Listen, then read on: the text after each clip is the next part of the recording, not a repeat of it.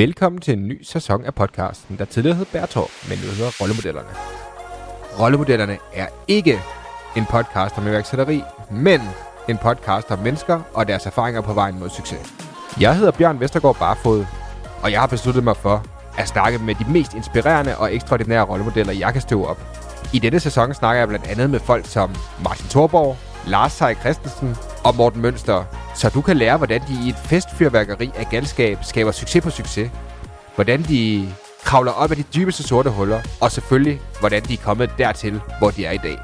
Så du og jeg sammen kan skabe et samfund, hvor vi tager ved lære og skaber noget nyt. Inden vi dykker ind i dagens historie, må jeg indrømme, at denne podcast slet ikke er lavet til dig. Undskyld. Du må ikke tage fejl. Jeg sætter stor pris på, at du lytter med. Men formålet med den her podcast har fra aller, aller første episode været at skabe en samling af de mest inspirerende rollemodeller, som min søn Valdemar, der nu er to og et halvt år, kan lytte til, når han bliver stor. Hvilken vej han vælger senere hen i livet, ved jeg ikke. Men det her det er min måde at skabe noget til ham på. For når alt kommer til alt, handler det om at skabe sin egen fremtid, og ikke kun lytte. Men lad os alligevel starte med lytteriet. Ja, det er Bjørn her.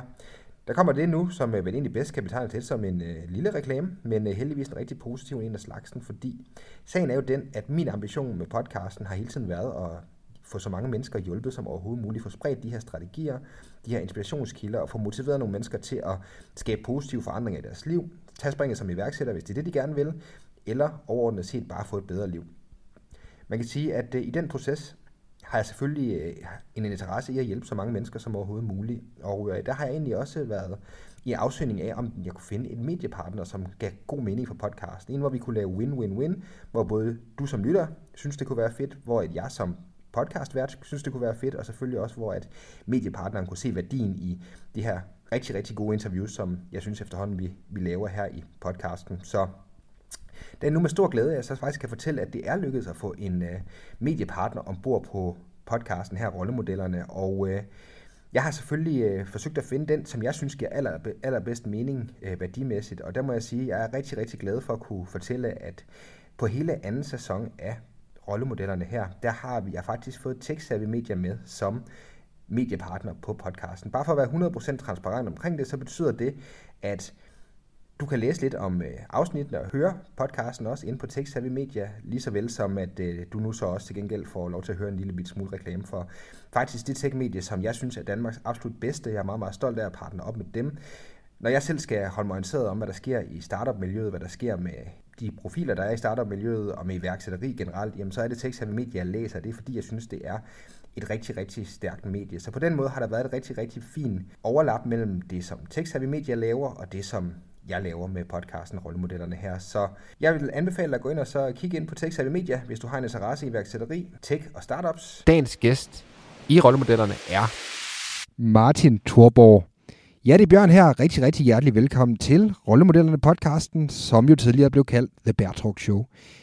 Jeg har revurderet konceptet lidt, og en af de ting, som jeg har gjort, er at nøjes med faktisk bare at fremhæve tre ting om øh, gæsten, som jeg kommer til at fortælle, når det er sådan her i introen. Øh, før kunne introen godt blive lidt lang, og det vil jeg gerne gå væk fra. Så derfor der får du egentlig bare lige tre hurtige facts, som jeg vil fortælle øh, i hver eneste afsnit. Dagens gæst i rollemodellerne er Martin Thorborg, og øh, her er de tre facts, jeg gerne vil dele om ham. For det første, det første fakt er, at Martin Thorborg han er en af Danmarks absolut mest succesfulde serieværksættere. Martin har selv frasoldt øh, mindst en god håndfuld virksomheder, som han selv har været med til at starte. Øh, det mest kendte er nok UB, men øh, også noget som Spamfighter, og øh, her senest Dineo, som han frasolgte til Visma. Han har selvfølgelig også haft en masse usuccesfulde virksomheder, som han selv nævner lidt om i, i podcasten, men han er helt klart en af Danmarks mest succesfulde serieværksættere. Det andet fakt, jeg gerne vil dele om ham, er, egentlig, at han er en lidt uvandt rolle for ham lige nu faktisk, fordi at øh, Martin han har skrevet bogen Iværksætter til at dør, som øh, lige præcis fortæller om hele hans lange rejse fra gymnasiet dropout til at blive øh, meget succesfuld iværksætter med øh, UB og, og, og nogle af hans andre virksomheder. Og man kan sige, at øh, Martin han er i for ham nu en lidt uvandt rolle, for efter at øh, Visma de købte Dineo sidste år, jamen så sidder han faktisk som CEO og blev indsat som CEO nu, så han har egentlig lidt et andet liv lige nu, end øh, han har været vant til førhen. Det er lidt sjovt. Øh, Martin ligger ikke selv skjult på i interviewet, at han gerne vil tilbage til iværksætteriet på et tidspunkt, men samtidig egentlig også nyder den rolle, han er i lige nu som CEO, og det er også en af de ting, som øh, vi kommer ind på i interviewet, som er rigtig, rigtig spændende. Det sidste faktum, jeg gerne vil dele omkring Martin Thorborg, er også det her med, at han er faktisk en af de mest øh, generøse mennesker i øh, miljøet eller i det danske erhvervsliv, kan man næsten sige, fordi der er ikke nogen, der har delt sin viden i så høj grad, som Martin faktisk har. Martin har selv lavet langt, langt over flere hundrede videoer, øh, typisk kendetegnet ved, at han startede jo før rigtig, rigtig mange andre på det her område. Så øh, han startede faktisk med at lave de her videoer, mens han kørte i bil, og øh, de blev simpelthen så succesfulde, så han har lavet rigtig, rigtig mange af dem. Det er også derfor, at han egentlig ret tit siger til folk, at øh, i stedet for at de måske kontakter ham med de spørgsmål, så prøv lige at se, om han ikke lige har svaret på, på det spørgsmål i en video, fordi han har lavet vanvittigt mange videoer om mange ting. Så han er meget, meget generøs med hans viden, og øh, det har han egentlig været igennem hele hans tid som i iværksættermiljøet. Jeg vil ikke sige så meget mere om øh, den her episode. Jeg håber, du nød det. Jeg synes i hvert fald, det var super fedt at interviewe Martin, og øh, jeg håber, du får glæde af at lytte med. Rigtig, rigtig god fornøjelse med podcasten. Jamen øh, Martin, rigtig, rigtig hjertelig velkommen. Så fordi jeg må være med. Jeg har glædet mig rigtig meget, og mm. det er jo store sko, jeg går i. Øh, jeg skal jo efterfølge Clemens. Kan et, øh, en god performance på Clemens. Ja, det var, øh, det var, det var meget sjovt. jeg, kan ikke, øh, jeg har ikke kunne skaffe Christian Fuglendorf, så jeg må se, om det er mig, der kan spille ind med de dårlige jokes. Jamen lad os forsøge. Martin, øh, første spørgsmål til dig er det her med... Øh, man kan sige, når jeg ser på din rejse fra, hvad kan man sige, øh, du droppede ud af gymnasiet, eller blev smidt ud af gymnasiet dengang, og mm. så til der, hvor du står nu, øh, har jo været en kæmpe, kæmpe rejse, kunne jeg forestille mig. Hvor vigtig en rolle har personlig udvikling spillet i den, øh, i den rejse, du har været på?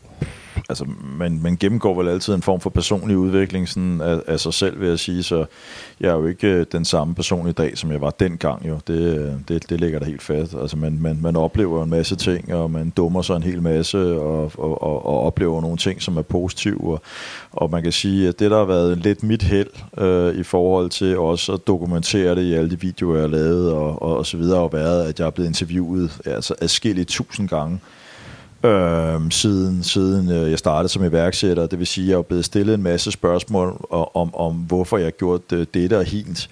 Øh, og det har jeg jo gjort, at jeg er nødt til at reflektere over de der ting, og derfor måske også bedre i dag kan huske, hvorfor jeg har gjort forskellige ting, hvor andre mennesker vil sige, det, det kan jeg ikke huske, men hvis du bliver spurgt kort tid efter, øh, så begynder der at danne sig en bevidsthed, ikke? og det er jo også en bevidsthed, du kan bruge til at, at optimere din... Øh, din performance og, øh, og, og gøre, at du reflekterer over dit liv og, og de valg, du tager. Ikke? Ja, og man kan sige, at det er noget, som jeg har hørt dig referere lidt til nogle til, til bøger og sådan noget sådan før og så videre. Er det noget, du har sådan dyrket meget det her med, og du ved, og man kan sige, der, der er jo selvfølgelig meget læring i de erfaringer, du drager der, som, mm. som du også siger, men er, der, er det noget andet, du har gjort? Har du haft nogle mennesker, nogle rollemodeller i dit liv, der har været med til at så, hvad man siger, øh, hjælpe dig med på den rejse, eller hvordan?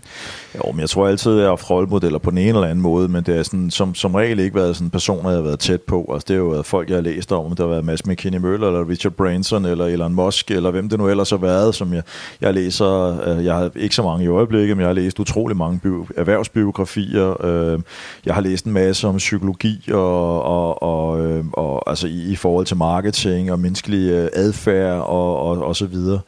Øhm, og så har jeg jo også været igennem nogle ups and downs. Min far døde, øh, øh, det var ikke usædvanligt, han var gammel, men alligevel, øh, jeg er blevet skilt, og i, i alle de øh, i, kan man sige, øh, øh, livskriser der, jamen der, der, er man jo, altså der har jeg fået psykologhjælp på nogle tidspunkter, og jeg snakker meget med kloge venner og den slags, så jeg synes, at jeg er kommet ret dybt ind øh, nogle gange. ja. Det, øh, det kan man sige, og det er, det er jo super, super spændende, og man kan sige, jeg læste en, jeg læste en, en artikel med dig her, som er et, et års, år gammel eller sådan noget i den stil, og du, øh, du snakkede lidt om, at du har haft nogle, nogle store øh, forandringer i dit liv, kan man sige, her, øh, både med din skilsmisse og så videre, så videre, men du er også gladere, end du nogensinde har været før. Hvordan er det at være Martin Thorborg lige nu?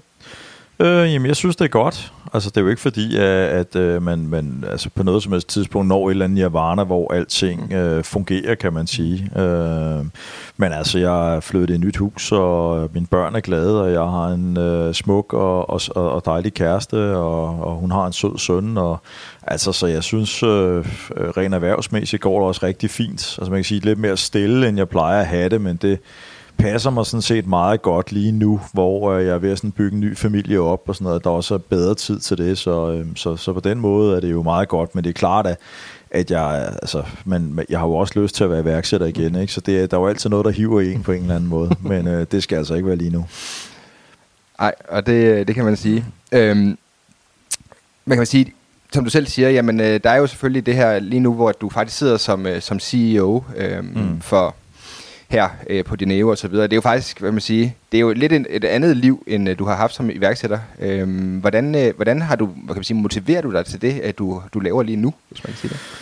Øh, jamen, man kan sige, at jeg bruger mere tid på min familie end før, så på den måde så opsluger arbejdet mig ikke 100%. Øh, så på den måde kan man sige, deler jeg min, øh, min fokus øh, ud over flere ting, end, øh, end jeg plejer, kan du sige. Øhm, og så øhm, er det et enormt godt team, jeg har. Altså, det er de dygtigste mennesker, jeg nogensinde har arbejdet sammen med, og det er det bedste, øh, den bedste service eller produkt, jeg nogensinde har været med til at lave. Øh, og altså en enorm stolthed øh, ved, ved arbejdet, øh, og enorm stolthed ved produktet, øh, hvor mine medarbejdere er utrolig glade for at være der. Altså det er for lavet medarbejderundersøgelse, og det, den er jo helt, helt i top. Altså den, den sprænger alle rammer, øh, samtidig med, at vi, vi tjener rigtig mange penge. Øh, vores ejere er rigtig godt tilfredse, ikke? og så har vi nogle nye produkter, som vi sidder og arbejder med. Jeg sidder lige nu i gang med et, øh, et, et produkt, som gerne skulle fjerne en stor del af, af, af de svindlere, der er, som går og tager røven på små selvstændige og sådan noget. Det synes jeg er enormt inspirerende og motiverende. Ja. Hvordan man kan sige, fordi det virker sådan, sådan overordnet set, når jeg ser på de virksomheder, du har været med til at skabe, Martin, så noget af det, som jeg sådan har virkelig bidt mærke i, er, at, at du har det lykkedes dig at skabe en kultur og en team spirit, og øh, generelt set, hvor folk er rigtig, rigtig glade for at være der. Mm. Øhm, kan du sætte et par ord på, hvordan du sådan generelt set altså, arbejder med de her ting? Jamen, altså, den tror, den vigtigste ting, det er, at, øh, at, at man er på en god mission. Altså, at, at man som virksomhed laver noget, der gør godt for andre. Altså, der er ikke nogen, der bliver motiveret af at tjene mange penge til en kapitalfond, eller, eller en stor norsk koncern, eller, eller andre. Folk bliver motiveret af at, øh, at, at gøre en forskel for andre mennesker, der har brug for det. Altså, iværksættere i Danmark er, er fattigere end kontanthjælpsmodtagere. Det vil sige, at den målgruppe, vi arbejder med, er en målgruppe, der har øh, enormt brug for hjælp, samtidig med, at de er Danmarks fremtid. Det er jo en enorm øh, spændende opgave, kan man sige, at hjælpe flere af dem øh, til succes. Og mm. det er klart, altså, det er ikke fordi, vi har en stor aktie i deres succes, mm. men, men altså ved at, øh, ved at levere nogle redskaber, der gør, at de, øh, de får bedre overblik over deres likviditet, øh, sparer dem en masse tid øh, og penge, kan man sige, administrationen, og giver dem bedre overblik over deres forretning, så er der jo helt sikkert flere, der overlever. Og det er jo med til, at øh, nogle af dem kan blive måske den nye Mærsk, eller, eller, eller øh, mindre kan også gøre det, mm. og at vi, øh, at vi giver muligheden for en masse mennesker, der, der virkelig har behov for kan man sige, et, øh, et, et, et, lidt, lidt, øh, en lidt lettere hverdag, at vi giver dem det. Og den tid kan de jo bruge på deres familie, eller på at drive en bedre virksomhed. Det er jo op til dem selv. Og det, den mission, kan man sige, er, er jeg ret god til at formidle til mine kollegaer, så vi alle sammen er, er kalibreret på det, jeg ved, det dem, vi arbejder for. Og det er klart, altså, når du, når du møder om morgenen, og du ved, at du skal gøre en forskel for nogle mennesker, der virkelig har brug for dig, som Danmark har brug for, jamen så er det svært ikke at blive motiveret. Så det tror jeg sådan set er den største øh, årsag, og så er der en masse andre små ting, men ja. det er sådan krumtappen i det. Og hvordan kan man sige, fordi at har, har, man kan sige, du er jo selvfølgelig ofte talerør i de virksomheder, som øh, du nu engang sidder i og så videre. Men man siger, har I nogle processer, eller hvad processer er et dårligt ord at bruge for det, tror jeg, men har I nogle rutiner eller nogle vaner du, i, i, hvad kan man sige, i organisationen, som gør, at I får den her, hvad man sige, mission, øh, du ved, gentaget øh, og, og, og synliggjort? Øh. Ja, altså vi har en skærm, hvor alle kan se, hvilke virksomheder, der logger ind, så kan man jo se, at det er Hannes Huniklippe, frisør, og det og så videre, og så videre, ikke? og det er selvfølgelig altså meget nærværende på den måde, men så øh, gør jeg meget ud af at gå og fortælle historien. Altså det gør jeg mindst en gang om måneden, altså på vores, på vores månedsmøder og morgenmøder. Mm. Øhm, og så går jeg og minder folk om det med jævne mellemrum. Altså, øhm, så, så det man kan sige, jeg ved ikke om der er nogle steder rutiner, jeg tror bare sådan set, jeg, jeg lever det, jeg siger. Øh, så der er sådan en overensstemmelse mellem, hvem jeg er som person, og de, og de ting, jeg går og siger. Det gør, det, det falder mig meget naturligt, fordi jeg selv brænder for den målgruppe, og derfor ikke kan holde min kæft i forhold til den målgruppe. Så på den måde er det ikke særlig svært for mig at, at, at, øh, at, øh, at, at, ja, at, at, at sælge et budskab. Det lyder så kunstigt, men altså, fordi det synes jeg egentlig ikke, jeg gør. Præge et budskab lyder for religiøst. Jeg ved ikke, altså, jeg ved ikke rigtig, hvad jeg skal sige, men jeg tror, du forstår, hvad jeg mener. Ja, jamen det er helt sikkert. Øhm, man kan sige, jeg hørte dig på et tidspunkt, Martin, sige det her med, at, øh, at, at det her med at finde modet, øh, det var noget, som du sådan gjorde i det øjeblik, hvor du opdagede, at du skulle dø, og så fandt du egentlig også modet, kan man sige, eller generelt overordnet set, kan man sige, på det menneskelige plan. Øhm, kan du fortælle noget om, hvornår du egentlig sådan blev bevidst omkring det her med, du ved, at du har kun et liv, og, og det ting der? Ved ikke, om det giver mening. Jo, altså, det, altså nu har jeg aldrig haft en nærdødsoplevelse på mm. den måde, men, øh, men øh, jeg er da meget bevidst om, at, at, øh, at, at, at, at hver dag skal på en eller anden måde være speciel, og det, det, det, altså, og det skal ikke forstås på den måde, at hver dag for mig er speciel. Altså, det, det er lidt forkert sagt, men overordnet set kan man sige, skal jeg være på en mission, som på en eller anden måde fører mig tættere på noget, jeg gerne vil. Altså, jeg vil ikke kunne holde ud og sidde i et eller andet arbejde, jeg synes var uinspirerende, uden at have en plan for, at det skulle føre til. Det er fint for mig, og det har jeg også gjort. Jeg har været opvasker, og jeg har været arbejdet på tankstationer, og på, på en politistation, hvor jeg sidder og renskrevet ting for politimesteren. Og det har da ikke alt sammen været enormt inspirerende, men jeg vidste, at jeg var på vej hen mod et mål. Altså, så jeg har ikke noget problem med at tage øh, x antal år Øh, Øh, pine eller trivialitet eller, eller andet, hvis jeg ved, at det tjener en mål. Så jeg vil sagtens kunne tage et fem år øh, arbejde som opvasker, hvis jeg vidste, at jeg sparede sammen til at starte min egen virksomhed, som på en eller anden måde skulle forandre mit liv. Så det er bare for at forstå, at, at, at livet er jo ikke sådan, som man hver dag vågner op og tænker, hold kæft, hvor er det fantastisk. Øh, det, sådan vil det ikke være. Der vil være ups and downs, og så vil der være, uanset hvilken mål man går efter, så er der en eller anden periode, hvor man må tage noget smerte. Og det er ikke noget problem, så længe man har en plan. Men dem, der sætter sig ned for eksempel og har et arbejde, som de dybest set ikke bryder sig om, og de har til dagen og vejen, øh, og det fører dem ikke rigtig noget tættere på noget, som de er glade for. Fint nok, hvis de kommer hjem, og så har det sjoveste og fedeste, eller mest spændende, inspirerende liv, så jeg skal ikke gøre mig til dommer, men hvis man øh, generelt set synes, at ens liv er kedeligt, og, det, og man ikke gør noget ved det, og man ikke er på vej hen imod noget bedre, øh, andet end at håbe på, at man vinder i lotto, eller, eller man glæder sig til pensionen, eller hvad det nu er, man går og glæder sig til, fordi for mange mennesker starter livet i morgen, så synes jeg, man skal kigge sig selv i spejlet og sige, hov, altså hvad, livet starter ikke i morgen, livet er her, og ja, fint nok, at, at, at, at man må tage lidt smerte for at nå hen til sit mål, men hvis der ikke er et mål, mm. øh, så bliver det jo bare en, øh, hvad kan du sige, en, en, en, en ørkesløs vandring gennem øh, et, et goldt land, uden nogen kompas, uden nogen retning, øh, for hvad? Altså, og, og det, det fornemmer jeg, at der er en hel del mennesker, der gør, og det synes jeg er, er, er, må være et enormt spild af liv. For nej, livet starter ikke, når man vinder i lotto. For det første er der meget få, der gør det, og jeg tror ikke, at livet bliver meget mere interessant, hvis man i givet fald skulle gå ind og gøre det. Det kan godt være, at man får lidt mere højbelagt smørbrød, eller kan købe sig en lækker bil, men det tror jeg ikke øh, som sådan ikke er noget, der kommer til at ændre noget særligt for nogen. Altså jeg tror, det er at finde en form for mening med livet, altså en eller anden en quest eller en sag, man, man, man kæmper for, noget man øh, gør for andre mennesker, og så er det fint nok at berige sig selv på vejen, hvis man er åben og transparent og ærlig omkring det. Det er i hvert fald fint med mig. Mm. Øh, men, men, men, men, men det at være på en eller anden mission af en eller anden art, og det er den mission, jeg har, altså som er at gøre noget for iværksætter, og det er den, jeg bringer mine ansatte med på, kan du sige, den rejse, og det er derfor, det bliver inspirerende for dem, og derfor de er virkelig glade for den her arbejdsplads. Ikke? Ja, og det er super, super inspirerende, Martin. Man kan sige, og lige præcis det her med, at købe 100% ind på den her med, at, at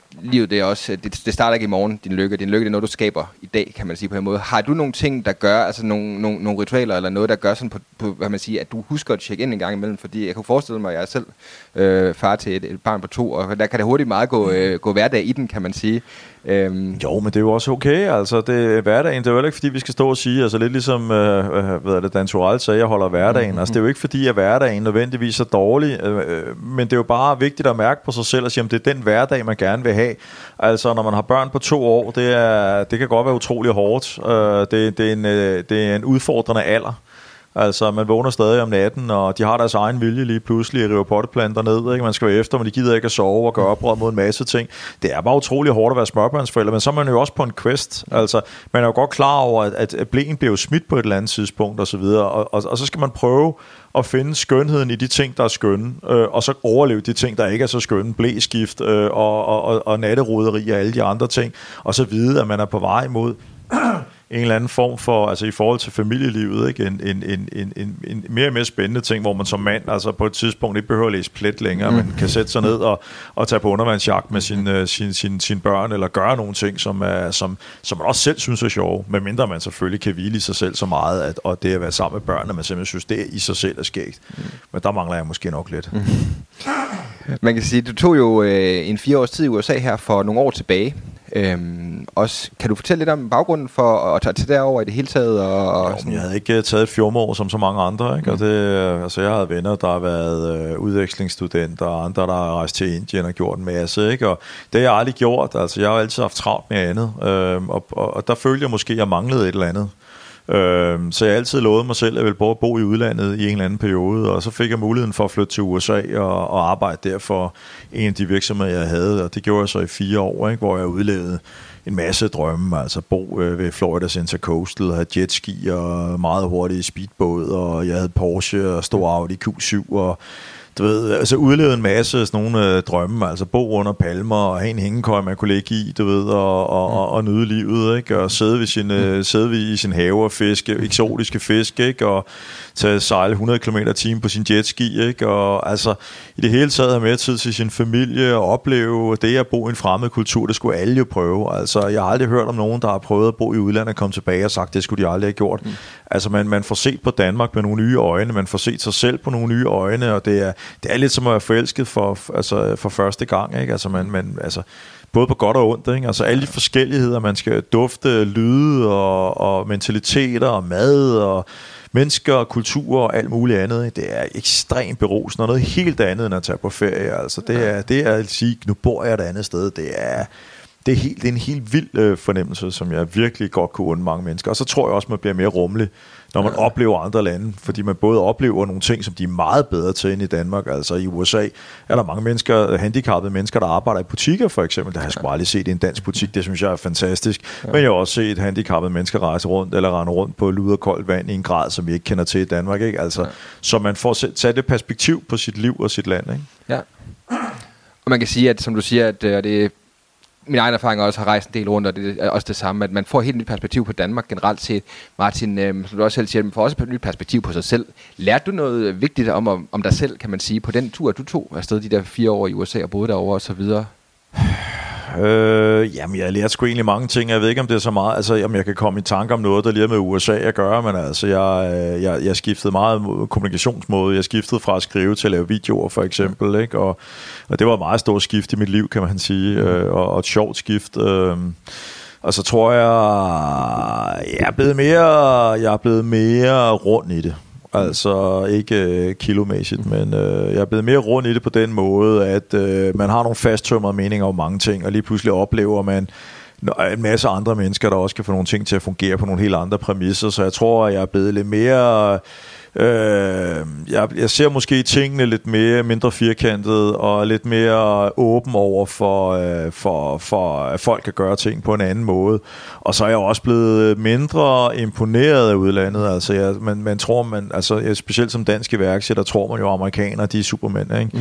Og altså, jeg må sige, at de fleste amerikanske iværksættere, jeg mødte, var ikke særlig dygtige. Og det er ikke fordi, jeg siger, at amerikanske iværksættere er dårligere end danske øh, overhovedet, men det er altså heller ikke sådan, at den gennemsnitlige amerikanske iværksætter på nogen som helst måde er bedre end den danske. Ikke? Altså, man, jeg tror, jeg er blevet lidt mindre ydmyg også i forhold til, til ja, altså til til hvad, til, hvad man kan i andre lande. Mm. Øh, på en ikke øh, hoven måde. Øh, men mere sådan i retning af, hvis der er danske værksætter, der siger, åh, tænk hvis vi var i USA, og jeg siger, ja, det tror jeg ikke, du ønske dig.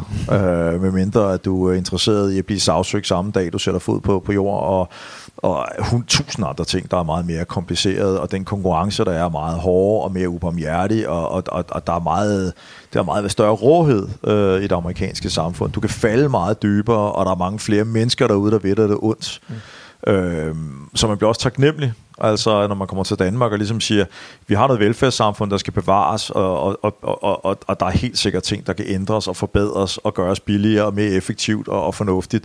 Men som udgangspunkt er jeg blevet meget større fan af velfærdssamfundet, altså som, som kan man sige, som koncept, øh, end, end jeg var før. Men jeg vil, men jeg vil også sige, at, øh, at, at, at der er helt klart også plads til forbedring. Ja. Og man kan sige, at, at hvis vi snakker lidt om det i forhold til velfærdssamfundet Danmark, og det, sådan, man vil sige, rammerne for iværksætteri i Danmark, for jeg har jo hørt dig før, han siger, at faktisk, jeg har jo stillet nogle spørgsmål til mine lyttere, sådan, eller de har haft mulighed for at stille spørgsmål, mm. og faktisk en af lytterne, der har stillet det her spørgsmål, der siger, øh, man vil sige, du har jo før snakket om, at rammerne i Danmark er rigtig, rigtig gode for at ja, være iværksætter og iværksætteri generelt. Mm. Mener du stadigvæk det, at ja. altså, de er så gode som... Ja, ja. ja det, altså, det kommer an på, hvad du mener. Altså, det er fordi, det, altså, hvis, jeg vil sige, at øh, hvis du kigger på de 95 eller 98 procent af alle danske iværksættere, der egentlig bare gerne vil have deres egen lille forretning, måske uden ansat eller med ganske få ansat, så er jeg ikke et øjeblik i tvivl om, at Danmark er et fantastisk land. Altså det kan da godt være, hvis du skal lave den der kæmpe, kæmpe Skype, øh, Spotify ting, at øh, det er lidt lettere at skabe kapital i USA, og konkurrencen er vildere, og det kan godt være inspiration i San Francisco, Silicon Valley, at det, at det på en eller anden måde kan inspirere dig til at tænke større og alt det der. Ja, ja, det, det, det kan jeg sgu sagtens købe som sådan, men hvis vi kigger på hovedparten af danske iværksættere, der egentlig bare gerne vil være massør, eller frisør, eller, eller kioskejer, eller have et, et lille brolægger virksomhed, eller altså alle de der mikrovirksomheder, hvor folk egentlig ikke starter ud med at have en drøm om at lave konglomerat, eller en, en ny Microsoft, men egentlig bare gerne vil have en lille virksomhed, de kan leve godt og sundt af og, og, og, og hygge sig med og, og udvikle sig med. Så er jeg ikke et sekund i tvivl om, at Danmark er et, øh, et, et, et meget, meget let land at starte op i. Altså det, starte en virksomhed er nærmest gratis. Der er meget, meget få regler altså i forhold til USA. Altså hvis man synes, at den danske, altså, det, altså at lave et årsregnskab i Danmark er besværligt, så skulle man se den øh, selvangivelse og den indberetning, man har i USA. Den er, det, så, så skal man have lov til at se noget. Alle, altså bare for at give et eksempel, altså min, øh, min ekskone gik til noget gik til noget fysisk træning, ikke? og ham træneren der, der havde øh, sådan en træningshold, han oprettede firma på træningshold, ikke? fordi hvis, hvis en af trunderne der snublede over sin egen ben, så sagsøgte jeg med 100% sikkerhed, øh, og så kunne han lade det firma gå ned og hjem, ikke? men så havde han ikke mistet alle de andre hold. Ikke? Ja. Altså, du ved, der er så mange ekstra omkostninger, så meget mere byråkrati og så meget mere øh, usikkerhed i USA, Altså, så jeg, jeg tror, at de fleste danske iværksættere, hvis de nogensinde oplevede det der, så vil de komme skrigende ud af USA og løbe hjem til Danmark og sige, hold nu fucking kæft for det fedt. Men det kan ja. godt være, som jeg nævnte før, at, at hvis du tænker enormt stort, at der kan være nogle fordele, men jeg er ikke sikker. Nej, Nej det, det, det, det er en super interessant pointe, kan man sige, Martin. Øh, man kan sige, for at vende tilbage til noget af det, vi snakker om lidt tidligere, øh, i forhold til det her med personlig udvikling og, og lykke osv., så, videre, så kan man sige, jeg har hørt dig nævne det her med, at du siger, at livet er et spil. Så hvis livet er et spil, øh, hvad er så endemålet, eller hvordan vinder man spil? Øh, jamen, så, så er det også vigtigt at, at sige, at det er et spil, hvor målet det er vejen, ikke? Altså, jeg ved, det er lidt meget filosofisk, ikke? Og det er ikke den første, der har sagt på mm. nogen måde, men altså, jo ældre jeg bliver, jo mere kan jeg jo se, ikke? At at når jeg når de mål, jeg sætter mig, øh, så er den glæde ved at nå målene ufattelig lille i forhold til den øh, glæde, jeg øh, som regel har haft ved rejsen derhen. Altså, Øh, og der tror jeg måske, at, at, at folk, der måske ikke er iværksættere, kan, kan identificere sig med det, ved ligesom at sige, at, at man har måske sparet sammen til en eller anden lækker bil i lang tid, ikke? Og, og når man så endelig får bilen, ikke? så er man sindssygt glad for den, men når der er gået 14 dage, eller en måned, eller tre måneder, så bliver det jo bare, altså så har man opnået det, ikke? og så kommer næste mål i tilværelsen. Ikke? Og, og, og, og derfor er det, er det vigtigt, tror jeg, at, øh, at, at man ikke tror, at, at, at, at øh, et mål som at blive rig, eller eller sælge sin virksomhed, eller blive forfremmet, eller vinde i lotto, eller blive pensionist, eller hvad det er for nogle mål og ting, man har inde i sit hoved, at man, man, man går og tror, at når man er kommet dertil, så vil ens liv blive meget anderledes. Ja. Øh, det ved det ikke. Øh, vil jeg tro. Øh, jeg har ikke oplevet det selv i hvert fald. Man oplever, tror jeg, nærmere måske en lidt tomhed, og så siger man, gud, var det det? Altså, Øhm, og så løber man efter næste mål. Ikke? Og derfor tror jeg, det er utrolig vigtigt, at man er opmærksom på det, og på den måde finder en skønhed i at nå målet. Altså at man på en eller anden måde, at man øh, sørger for at leve alle de dage, hvor man nu arbejder sig frem mod, hvad det nu end er, man gerne vil. Øh, og det kan være at blive gift, eller det kan være at blive den bedste naturvejleder, mm. eller whatever. Altså det, det vil jeg ikke sætte mig til, til dommer over. Alle folk har forskellige mål og drømme og motivationer, men, men jeg tror bare, det er utrolig vigtigt at vide, at når man så når den ting, at så er der en god chance for, at, at, at, at det ikke gør en meget lykkeligere øh, som sådan. Det er fedt at nå et mål, men at man kigger tilbage og siger, forhåbentlig, at det var, en, det var fedt at komme derhen. Altså, mm. Jeg tror, mange bjergbestiger for eksempel har også hørt, mm. at det at stå op på toppen, ja, det er da fint, men det har været planlægning, det har været drøm om at nå toppen, det har været, altså det at klatre, som så ikke har været utrolig hårdt på nogle mm. tidspunkt, det er hele, hele rejsen til toppen, der har været det store. Mens det at stå på toppen, det er jo en, altså en tom fornemmelse, hvor man står og siger, mm okay, nu er jeg her. uh, so what? Uh, det lyder fedt, som, jeg nåede det. Det lyder som Shubidua-sang. Ja, altså, ja, så er der koldt på toppen. Det tror jeg nu ikke nødvendigvis, der er. Det, det kan der godt være, men, uh, men, men, men jeg tror mere tomt. Tomt på toppen. Tomt på toppen. Er der nogle tidspunkter, du selv kan komme i tanke om? Altså, du har jo gjort det her så utrolig mange gange med at, at så lave øh, virksomheder i det hele taget, og mange af dem er da også blevet succes. Øhm, er der nogle tidspunkter, du sådan, når vi nu sidder og snakker om det, du sådan kommer i tanke om, hvor det var sådan, at du sådan har tænkt, wow, det her det er en rigtig, rigtig fed rejse, jeg er på? Sådan. Ja, det, altså, det tror jeg det næsten hver gang, jeg laver noget. Ikke? Og der, hvor man ligesom har nogle milepæle, ikke? Altså, det er jo der, hvor man får ideen og kan mærke, at den er der. Det er samlet teamet og kan se, det er de rigtige mennesker at arbejde med. Det er at lave den første prototype og se, altså, at, at der er hul igennem, om man så må sige. Ikke? Uh, få lavet den første transaktion i Dineo, eller vi tog den første spam-mail i Spamfighter, eller der blev lavet den første søgning i, uh, i UB, eller hvad ved jeg øh, til at sige, at, at den første faktura er skrevet, ikke? til at, øh, at det er likviditetsmæssigt løber rundt, til at det regnskabsmæssigt løber rundt, til at man laver et overskud og får løn og den slags, til man i givet fald selv er virksomheden, eller har lavet en god, solid virksomhed. Der er mange, der er mange små sejre, og det, og det er jo vigtigt at fejre dem, og jeg er ikke specielt god til jeg er blevet bedre, vil jeg så sige, til at fejre det, men for mig er det at fejre ting måske ikke så meget at drikke champagne og, og, og slå et, et, et kryds på væggen. altså det er lidt lige så meget, altså den der yes-følelse, når man sender den første faktura, altså den er, den er, altså at, at det man kan se, at der er en anden person, der er villig til at betale penge for det, man har drømt og, og, og, og kæmpet for de sidste x antal måneder eller år, altså de små sejre der, de, de, de bærer en, en, en, en beruselse i sig selv, ligesom jeg, jeg snowboarder også, øh, når jeg kan komme til det. Og det er også lidt en beruselse, når man kommer kørende fra det faste underlag ind i, ind i en dybe sne, og lige pludselig, så svæver man, altså der bliver helt lydløs nærmest med sådan en knitren, og så svæver man der, ikke? Altså, at, eller, eller, eller hvis man windsurfer, som jeg gjorde en gang, og så lige pludselig kommer man op og plane, altså der er sådan nogle små glemt, og så lykke er jo ikke en fø- konstant følelse, lykke mm. er glemt. Og det er jo dit glemt, man skal søge, eller jeg søger, og som jeg lever højt på. Og så gælder det jo om at få så relativt mange med jævne mellemrum. Ikke? Ja. Men man skal huske, at lykke, man er jo ikke lykkelig. Altså det der med, at jeg er lykkelig, jamen i det øjeblik, du har sagt det færdigt, så er det jo allerede ude af kroppen igen. Ikke? altså så, så det, det, det, det tror jeg i hvert fald. Ja, så man kan egentlig, man kan egentlig sige, at, at meget af det, som når vi snakker om det her med, at du ved, bytte fem dårlige dage for to gode, mm. som var lidt af det, faktisk det, der var inde på Klima-interviewet, så er det ja. egentlig også, at, at du søger at lave de her lykkelige øjeblikke øh, i, i din hverdag også, kan man sige. Det arbejdsliv, du har og så videre også. Ja, og den, øh, åbne den gode flaske rødvin, mm. og lave den gode bøf, øh, og, og, og, og, og få et godt knald med sin, øh, sin kæreste, og øh, få nogle fede oplevelser med sine børn, og altså, altså alle de forskellige små glimt, der er i hverdagen, øh, hvor at, at man føler, at øh, det her, man, it, it doesn't get any better than this. Altså. Men der tror jeg også, det er vigtigt, at man, øh, at man er bevidst om det, for jeg tror, at man hvis man er for travlt, at kan, jeg tror, at man kan miste mange af de, de øjeblikke. Altså øjeblikke, ja. tror jeg, øh, kun kommer, øh, ved at man også er, er, venter det og er klar til det øh, og bemærker det. Fordi altså, meget lykkeforskning viser jo også, at nogle af de lykkeligste mennesker, det er jo dem, der lever i nuet. Ikke? Altså hvis du hele tiden går og tænker på, ej man, ikke? Altså, øh, som jeg kan sige, øh, altså på et tidspunkt, ikke? Altså, hvor øh, en, en pige var sammen med for, for nogle år siden, øh, jamen, som vi var på ferie, ikke? Og, og, og så sidder vi ved en af verdens smukkeste strande, ikke? Og, og så siger hun så, ej, ved du hvad? Siger hun så, nej, ej, jeg glæder mig til vores næste ferie, ikke?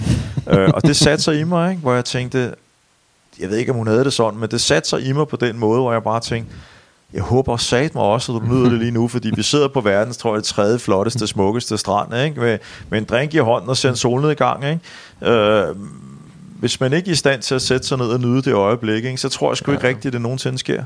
Ja. Og man kan sige, at øh, det i forlængelse af det, eller så skynder sig at hive et kamera frem og så videre, og du ved, som man også ser specielt mange en yngre generation gør nu, øh, den, den del også, som måske også tager det smukke ud af et øjeblik et eller andet sted, ikke? Ja, det ved jeg ikke. Det skal jeg ikke gøre mig til dommer over, for jeg tror også, der kan ligge en, en, en, en, en meget stor tilfredsstillelse ved at tage det smukke billede af en, en solnedgang, der kan gøre, at man også kan huske det øjeblik længere. Og det kan jo være, at man, man, man finder en lykkefølelse flere gange ved at sidde og kigge på det billede. Så jeg synes måske også, man skal passe på med at generalisere på, på, på hvad der er, er lykkeligt for folk. Der er jo også nogen, der er lykkelige ved at tage det perfekte billede. Mm. Der er nogen, der er lykkelige ved at, at, at, at tage den fedeste del af koncerten. Og ja, så er der en del uh, old schooler øh, og sikkert også øh, andre, der vil sige, at ja, men skulle man ikke bare stå og nyde og være i nuet? Men, jo, men det kan jo også være, at man er enormt meget i nuet ved at tage det perfekte billede eller lydklip, ikke? Så men jeg forstår din pointe, og det skal man selvfølgelig være så bevidst om, om man går glip af det nu øh, ved at gøre noget andet, eller om det gør noget andet samtidig med nuet, måske giver en en endnu bedre oplevelse. Men ja. det skal jeg ikke gøre mig til dom over. Ja, interessant pointe. Øh, Martin, hvis vi køber, øh, hvad hedder det, øh, hvis vi køber den her præmis om, at livet er et spil. Jeg er selv gammel øh, gamer, så, så er jeg nødt til at spørge, hvordan, hvilke snydekode øh, kan man så bruge for at få et nemmere spil? Jamen, jeg tror ikke, øh, jeg tror sgu ikke, der er så meget sjov ved at bruge snydekoder som sådan. Jeg altid synes, det var lidt ærgerligt, når man sad og spillede med folk, der bruger snydekoder, fordi at, at, at spillet er jo bygget op på en eller anden måde, som, øh, så, så der er en sammenhæng. Og et øjeblik, man bruger en snydekode, jamen så, øh, så øh, ødelægger man en del af spillet. Hvem er det, man snyder? Mm. Altså, det er jo som regel sig selv, kan man sige. Ikke? Så jeg tror ikke, det er, det, det, det, der er så meget øh, det med at, at, at snyde. Altså, det, jeg tror, det man kan måske, det er, at, at mere man skal sige, der er måske ikke nogen snydekoder. Altså, der er, selvfølgelig kan man springe over, hvor gæret er lavest, og det er også en bestemt en rigtig god idé en, en, en, en, en gang imellem. Øh, men jeg tror også bare, at der er for mange mennesker, der kigger efter snydekoder og bruger tid på det. Altså rigtig mange iværksættere spørger mig, øh, ja, hvordan kan man hurtigt blive rig, eller hvordan øh, får man hurtigt succes, eller altså, og hvor jeg må sige, at en iværksættervirksomhed tager typisk 5-7 år, øh, hvis man er heldig og dygtig øh, og arbejdsom, før den rigtig bliver til noget. Og der er ikke rigtig mange øh, shortcuts til at gøre det meget hurtigere. Og igen kan man sige, Hvorfor skulle det også gå meget hurtigere? Nyd nu processen og, og gå ind i den sådan lidt senderagtigt og blive et med, med, med det, du laver, og gør det så godt, som du overhovedet kan. Ikke? Det tror jeg skulle alle talt de fleste mennesker vil få meget mere ud af, i stedet for at sidde og spekulere på, altså hvad er shortcutten til at få den åbne bil, eller havudsigten, mm. eller, eller drikke champagne med de lækre langbenede tøser. Uh, som regel, hvis, du, hvis, hvis, hvis, hvis det er målet, så skal du nok nå det, men så er det jo noget, der bliver taget fra dig igen, og så står der med en stor gæld, ikke? med en vis sandsynlighed. Eller at du skal ind og ruske strammer, ikke? og det er jo også kedeligt. det, det kunne jeg forestille sig. Martin, øh, hvis nu det var sådan, at din datter Emma for eksempel, når hun engang blev 18, kom og så stillede dig spørgsmålet, far, hvad er de tre ting, jeg, sådan, vigtigste ting, jeg skal gøre for at blive lige så god til dig, som dig til det her med at tage en forretningsidé og gøre det til en succesfuld forretning? Hvilke tre ting vil du så råde hende til? Det gør jeg jo i princippet allerede, altså ikke i forhold til forretning, fordi jeg synes ikke, jeg skal præge mine børn til noget som helst i forhold til, hvad de skal være, men jeg, altså, min datter for eksempel øh, kom til mig på et tidspunkt og sagde, at hun rigtig, godt vil, øh, rigtig gerne ville være med i MGP, og det faldt sammen med, at hendes kor, hun gik til noget frivilligt kor nede på skolen, som sagde, at hun var dygtig til at, at synge, ikke? Og så fik vi en snak omkring det der, så sagde hun, okay, fint, så vil jeg godt betale for eneundervisning og alt muligt andet, men så skal du også give den gas, ikke? Og, og hun gav den gas, men altså, der var også gange, hvor hun ikke gad at tage afsted, hvor jeg siger, men det, du, må også, du må tage afsted, altså enten så, altså hvis jeg skal betale for det, og din drøm er at komme til MGP, så er der ikke noget, der hedder skulke, så tager man afsted hver gang, man gør sit bedste, ellers så opnår man ikke sin drøm, og så spilder jeg mine penge, og det gider jeg ikke, altså så det er fair nok, at du siger, far, jeg har opgivet den drøm, fint, jamen så kan du gå tilbage og synge kor, og det er der ikke noget dårligt i, eller noget som helst andet, det er der rigtig meget socialt og lækkert i, øh, og det kan du sagtens, ikke? Øh, og så sagde hun, ah, men jeg vil gerne med til MGP, jamen fint, jamen så sæt dig ud i bilen, fordi så kører mm. vi, ikke? Og det gjorde, at hun, øh, at, at, at hun ikke missede nogen sangtimer, altså hun, hun tog det, ikke? og det gjorde også, at hun endte med at komme med til MGP, ikke? blandt de 10 i Aalborg. Øh, hun vandt ikke, men altså hun, øh, hun, øh, man får jo ikke en anden, tredje, fjerde, femte plads, men kom blandt de, de ni andre, men altså ud af mange hundrede, der havde mm. forsøgt at komme med. Ikke? Ja. Og det er også lidt det, jeg siger til mine børn i dag i skolen. Ikke? Altså find ud af de fag, I er rigtig dygtige til, synes er sjovt, og så gør jeg ekstra, ekstra, ekstra umage der. Og så lær the basics i de andre. Altså hvis det, min datter for eksempel er ikke vild med matematik, øh, og, og, og, og lige nu, så skal hun sidde og rode med cosinus og sinus. Ikke? Så siger jeg, prøv at høre, det, prøv lad være med at bruge for meget energi på at forstå det. Prøv bare at huske det udenad. Ja. Fordi du skal bruge det til eksamen, og det er dumt at få dårlig karakter. Men ved du hvad, jeg vil 10 gange hellere have, at du giver den gas i mundtlig og skriftlig dansk, fordi der er en pisse dygtig, altså. Som siger, så, så brug din energi der, hvor, på de ting, der gør dig glad. Brug din energi på der, hvor du er rigtig dygtig, og så, og, og så prøv altså i matematik at sige, ved du hvad, lær nu den lille tabel for helvede. Ikke? Mm. Lær noget sandsynlighedsregning, ikke? Altså sådan, så du har en idé om, hvis man ganger 10 gange 20 gange 5, Altså, at, at du har en idé om, hvor vi er henne. Det kan godt være, at du ikke kan fortælle tallet ned på, på decimal, men du kan fortælle, er, det, er vi i hundrederne, er vi i tusinderne, er vi i titusinderne, sådan så du får ja. nogle proportioner ind i dit liv, fordi det der er mange unge, der ikke har i dag. Ja. Og også flere af de medarbejdere, jeg har i dag. Ikke? Altså, hvis man giver dem, hvis der er et eller andet regnestykke, men de kan lave nogle fuldstændig vilde fejl, ikke? Mm. Øh, fordi de har siddet og lavet det et Excel-regneark, hvor jeg med, på et sekund kan stå og sige, det der kan ikke passe. Jo, jo, men jeg har lavet det Excel-regneark, og siger, det passer ikke. Mm. Og så går det ind og rende efter, ikke? og jeg kan fortælle dem inden for en eller anden form for øh, maven, hvor vi er henne. Ikke? Jeg kan ikke fortælle præcis, hvad det bliver. Øh, så går jeg ikke til at mhm. regne i hovedet, men jeg kan fortælle cirka, hvad det bliver. Ikke? Og, og altså, Michel, hvis du kan de to ting, altså hvis du kan øh, plus, gange og dividere sådan nogenlunde, mm. altså, og så har en idé om proportionerne, Øh, så lær de andre ting udenad, og så glem den bare igen. Altså, jeg har aldrig brugt cosinus og sinus, efter jeg gik ud af, af, af, af første G. Mm. Altså, og, og, og skulle, det, skulle det være en gang, du kom til det, hvor du var, det er noget, du kan læse op, hvis det virkelig har din interesse på ganske kort tid. Ja. Altså, så, så jeg forsøger egentlig bare at præge dem til at gøre det, de er bedst til. Mm. Og så have en følelse af, at det er okay, at, at, at, at freeride lidt på de ting, som måske ikke interesserer en så meget. For der er ikke særlig mange point i denne her verden for at være øh, middelgod til noget. Og man bliver aldrig rigtig god til noget, man ikke synes er sjovt, og, og, og noget, man ikke rigtig har flere for. Men man bliver rigtig godt betalt for at være pissedygtig til noget, man er rigtig glad for at lave. Der har man virkelig mulighed for at, at, at drive sit talent ud. Ikke? Min søn er god til matematik, så jeg forventer, at han gør det godt i matematik. Min datter er pissegod til dansk forventer, at hun gør det godt i dansk. Ikke? Mm. Og så fokuserer jeg sgu ikke så meget på de andre ting. Mm. Så hvis vi, skal, hvis vi skal omdanne det til et råd i forhold til, hvordan man tager en virksomhed fra idé til en øh, fornuftig... Ja, så er det at tage udgangspunkt i igen tilbage, fuldstændig det samme. Ikke? Hvad er det, du er god til? Hvad er det, du interesserer dig for? Find din passion på en eller anden måde. Gør din passion, om det er, at du er god til salg, eller om du elsker uger eller heste, eller, eller du er god som leder, eller hvad. Altså, det bør ikke være en speciel interesse lige inden for, øh, for, for en ting. Det kan også være, at du bare er hammerende god til marketing eller andet. Jamen, så find en eller anden måde, hvor den passion bliver den største del af, af din, din, din nye forretning. Og så sørg for at få nogle forretningspartnere, der kan dække dig ind der, hvor du selv er svag. Ikke? Ja. Så kan du lave et sindssygt godt team, hvor I ikke lapper særlig meget ind over hinanden, og samtidig øh, virkelig kan få noget udrettet. Ikke? Ja. Og i forhold til det her med, kan man sige, at så skabe det gode så videre, der er nogle, øh, der er at de her lyttere, som har stillet spørgsmål, der er en, der hedder Lasse, der har stillet spørgsmål, det her, men hvad kigger du egentlig efter selv øh, i samarbejdspartnere, når det er sådan, at du, øh, du ja, opbygger nye teams? Jo, men de skal, altså, øh, de skal, de skal kunne noget, jeg har brug for i den virksomhed. Altså, de skal kunne noget andet, øh, og så skal de jo være forskellige fra mig, ellers så giver det jo ikke rigtig nogen mening. Mm. Uh, og så skal det helst være nogen, jeg ikke er for gode venner med, uh, mm. fordi der opstår en masse uh, råd, hvis det er familie eller venner. Uh, men det skal være nogle mennesker, jeg respekterer og kan stole på. Ikke? Altså stole på dem, og, og, og, og det de kan noget, som, jeg, som, som virksomheden har brug for, som jeg ikke selv kan. Øh, og så skal vi have en øh, fælles vision om, hvad det er, vi gerne vil. Altså, det nytter ikke noget, hvis jeg gerne vil være ny Bill Gates og lave Microsoft, ikke? og min forretningspartner øh, bliver iværksætter for at få mere tid med sine børn. Mm-hmm.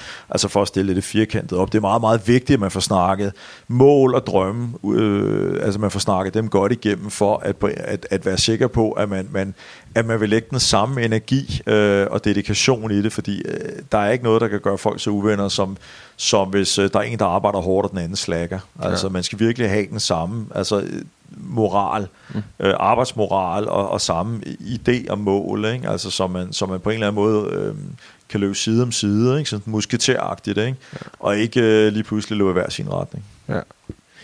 Det, øh, det lyder som øh, solide råd i forhold til det her med at, at bygge succes, succesfulde virksomheder, Martin. Du har jo selv interviewet rigtig, rigtig mange mennesker, øh, dygtige iværksættere også, så jeg har egentlig lyst til at prøve det her på dig, og så sige, hvis du skulle stille Martin Thorborg et spørgsmål om, at blive en succesfuld iværksætter, hvilke spørgsmål vil du så stille ham, og hvad vil du svare på det spørgsmål?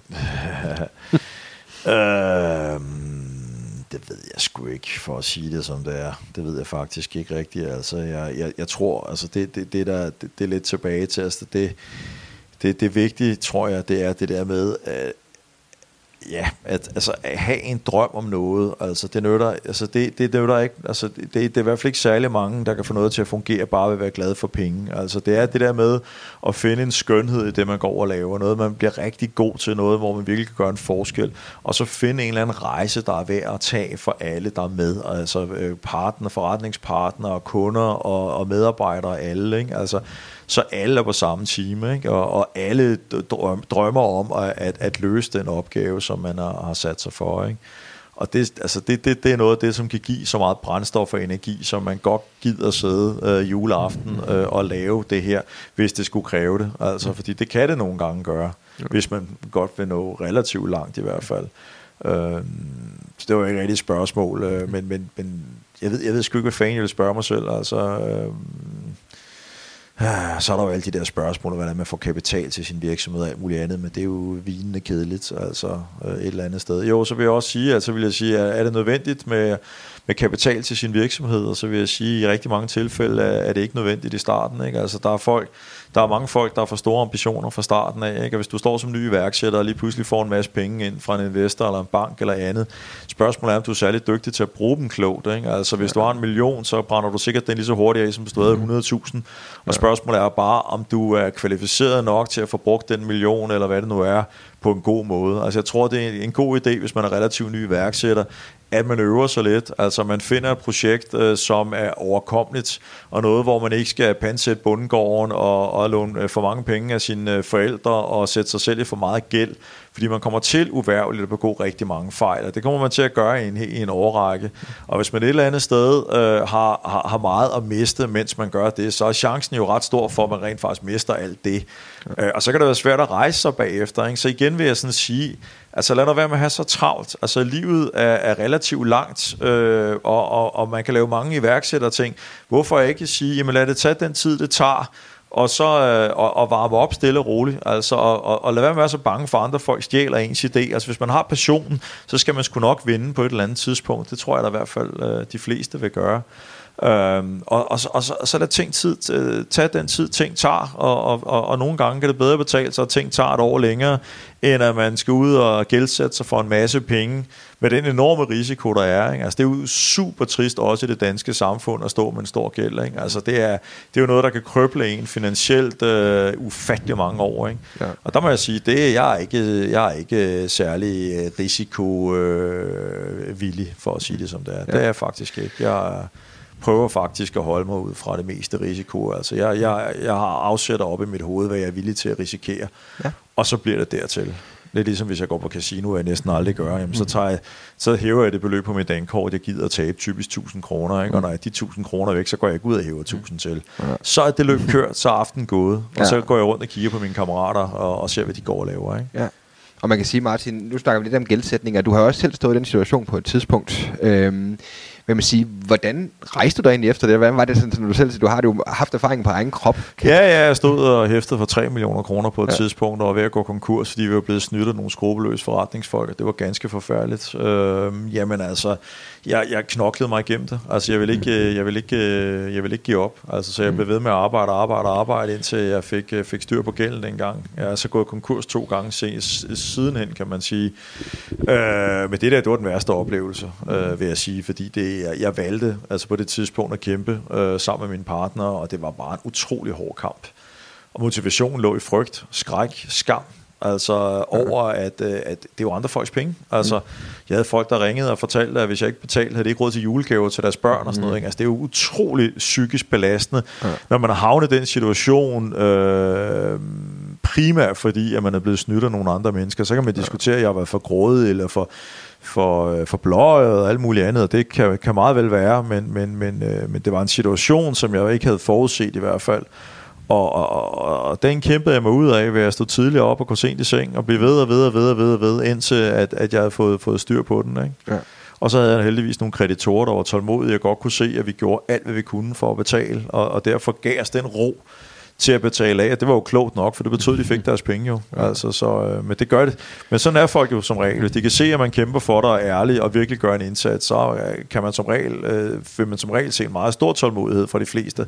Ja. Men hvis man lyver, eller, eller øh, ja, øh, spiller med fordækte kort, eller er ligeglad, ja, så, så, så er linen nok ret kort. Mm man kan sige, at, at, øh, noget af det, som jeg der sådan skinner igennem, synes jeg, når jeg har læst interviews med dig og generelt andet og set, det, det er, at, øh, du er meget familiemenneske, og du værdsætter meget dine familie, familiære værdier. Ja, og selvom du egentlig har brugt rigtig meget tid på at bygge nogle meget store, meget flotte virksomheder, øh, har du stadig prioriteret rigtig meget den her tid med din familie? Ja, men den prioriterer højere end nogensinde. Altså jeg vil sige, at dengang jeg fik børn, så begyndte jeg at arbejde mindre. Altså før jeg fik børn, så var jeg jo hjemme kl. 11 om aftenen. Ikke? Altså da jeg fik børn, var jeg hjemme i 5-6 tiden. Ikke? Og det, jeg havde dem så om morgenen, vil jeg så sige. Ikke? Øh, min ekskone var politibetjent og, og var ofte på treholdsskift. Ikke? Så jeg havde dem typisk om morgenen, hvor jeg kørte dem i skole, eller jeg havde dem om aftenen, når jeg var på job og så videre.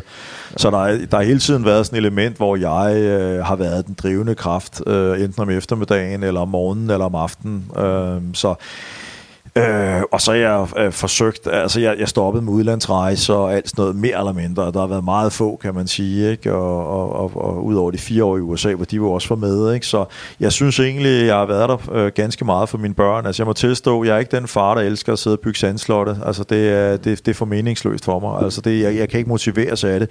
Så jeg har aldrig været særlig god til at sætte mig ned på gulvet og lege med mine børn, men jeg har altid læst historie for dem, jeg har altid sunget for dem om aftenen, øh, jeg har altid lyttet til dem og, og taget med, jeg, da, da de var små, øh, havde en babyjog, og jeg løb med dem hver morgen øh, 3-4 km ude i Rudeskov, øh, mens jeg snakkede med dem, og vi så på fugle og katte og ræve og Altså, så jeg, jeg synes egentlig altid, at øh, jeg har forsøgt at være nærværende en del af tiden, men der er der helt sikkert også tidspunkter, hvor mine unger har sagt far 50 gange, hvor jeg sådan, hvor jeg bare tænkte, gud, øh, undskyld, altså jeg har været væk, ikke? Altså, så jeg har også været fraværende en del af deres tid, selvom jeg har været til stede.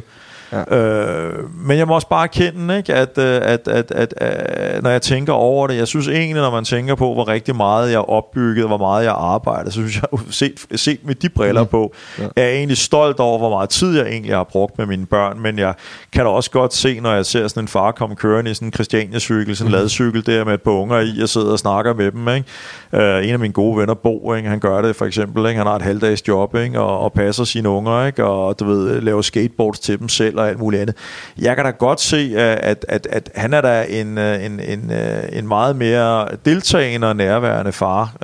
Det må jeg da helt klart sige, men på den anden side, så kan du vende det om og, og, og sige, øh, jo jo, men det er så måske ikke lige ham, der får julen til at køre i Danmark, vel? Altså, det er ikke, øh, altså der vil jeg sige, at, øh, at den, den, øh, den, den, den, den øh, hvad hedder det, øh, legeplads, han bestyrer øh, i København, ja, det er jo så mig, der betaler legepladsen, plus pædagoger og hans løn, ikke? plus et par andre legepladser, plus det, det, det løs rundt omkring. Ikke? Altså, så, så man bliver også nødt til at se, hvis vi alle sammen rendte rundt og, og, og, og, og gjorde det, hvad jeg beundrer, så det er ikke for at tale ned i forhold til ham. Mm. Det er bare at sige, at, at vi er jo alle sammen forskellige. Altså, ja. jeg tror da også, at mine børn kigger tilbage og tænker, okay, Øh, far kunne da godt være lidt mere nærværende en gang imellem, men, men til gengæld, altså, øh, ej, hold kæft, han sang jo for os, og han læste historier, og vi kørte ture og i skoven, og han kørte os i vuggestue og mm-hmm. børnehave øh, næsten hver morgen, ikke? og vi var på masser af ferier, mm-hmm. ikke? og har været med i USA, og vi har lavet så mange, altså, altså jeg, jeg tror egentlig, vi kigger på det som at sige, han var sgu okay. Mm-hmm. Og så er han sgu over. Jeg, tror, jeg, håber, og jeg håber og tror faktisk en eller anden dag, når det ikke er teenager længere, de kigger tilbage på det og siger, far, hvordan fanden kunne du nå det hele? og det kan jeg ikke svare på, for det ved jeg ikke, men jeg synes fandme, jeg når meget. Mm. Det må man sige. Øhm, og man kan sige, i forlængelse af det spørgsmål, Martin, i forhold til med din familie og så videre, men som, som du selv sådan er lidt inde på her i, svar, i svar på svar, kan man sige, at det her med, at da du ikke havde børn, der arbejder du rigtig meget igennem. Ja, man kan sige, det er der mange, der, der er nogen, der har den luksus, at de startede tidligere, hvor de ikke får børn, men der er også mange mm. iværksættere, der har børn, og ja. gerne vil bygge noget op. Hvad vil du sige til dem, eller hvad vil du hjælpe dem med sådan, at finde der balance mellem, og så være nærværende for familien, og så stadigvæk bygge noget, der holder? Jamen altså, jeg ved det sgu ikke. Altså, jeg, jeg, jeg vil sige, at, at, at, at hvis man er ny iværksætter og aldrig prøvet det før, det må være utrolig svært at gøre det, når man har familie og børn. Altså, man har det økonomiske ansvar for sin familie, sammen med sin øh, bedre halvdel selvfølgelig. Og, og, og tidsmæssigt og alt det der, det, altså, jeg, jeg har honestly, øh, tror jeg, at det er meget svært at gøre det, med mindre at at man ligesom siger, at øh, ved du hvad, jeg vil være selvstændig tekstforfatter eller massør eller et andet, altså lidt mindre ambitiøst, hvor man ligesom siger, ved du hvad, jeg vil være konsulent, eller mm. altså, øh, jeg tror, hvis du sætter dig ned og siger, ved du hvad, jeg vil lave en tech-virksomhed med hundredvis af ansatte, og den skal åbne op i USA også, og bla bla bla, det gør jeg lige, mens jeg har koner og børn, eller mand og børn, og, og så videre altså, der, der, der, må jeg, der, må jeg, der må jeg være hård og sige, jeg tror ikke, du kan gøre det at være nærværende far. Det, det tror jeg. Så skal du være verdens mest disciplinerede menneske. Altså, så må det være sådan noget med, du, altså, dit, dit, dit liv er, det er et op i Excel-regneark, ja. hvor du simpelthen er super effektiv alle steder, du er. Og det kan godt være, at nogen kan være det. Jeg vil ikke kunne det. Altså, mm. det, det, det vil jeg ikke. Og det er jo også derfor, når jeg bygger virksomheder op. Sådan en virksomhed som din Dineo, jamen der finder jeg nogle unge løver, der kan mm. løbe de der 60-70 timer om ugen. Ikke? Mm.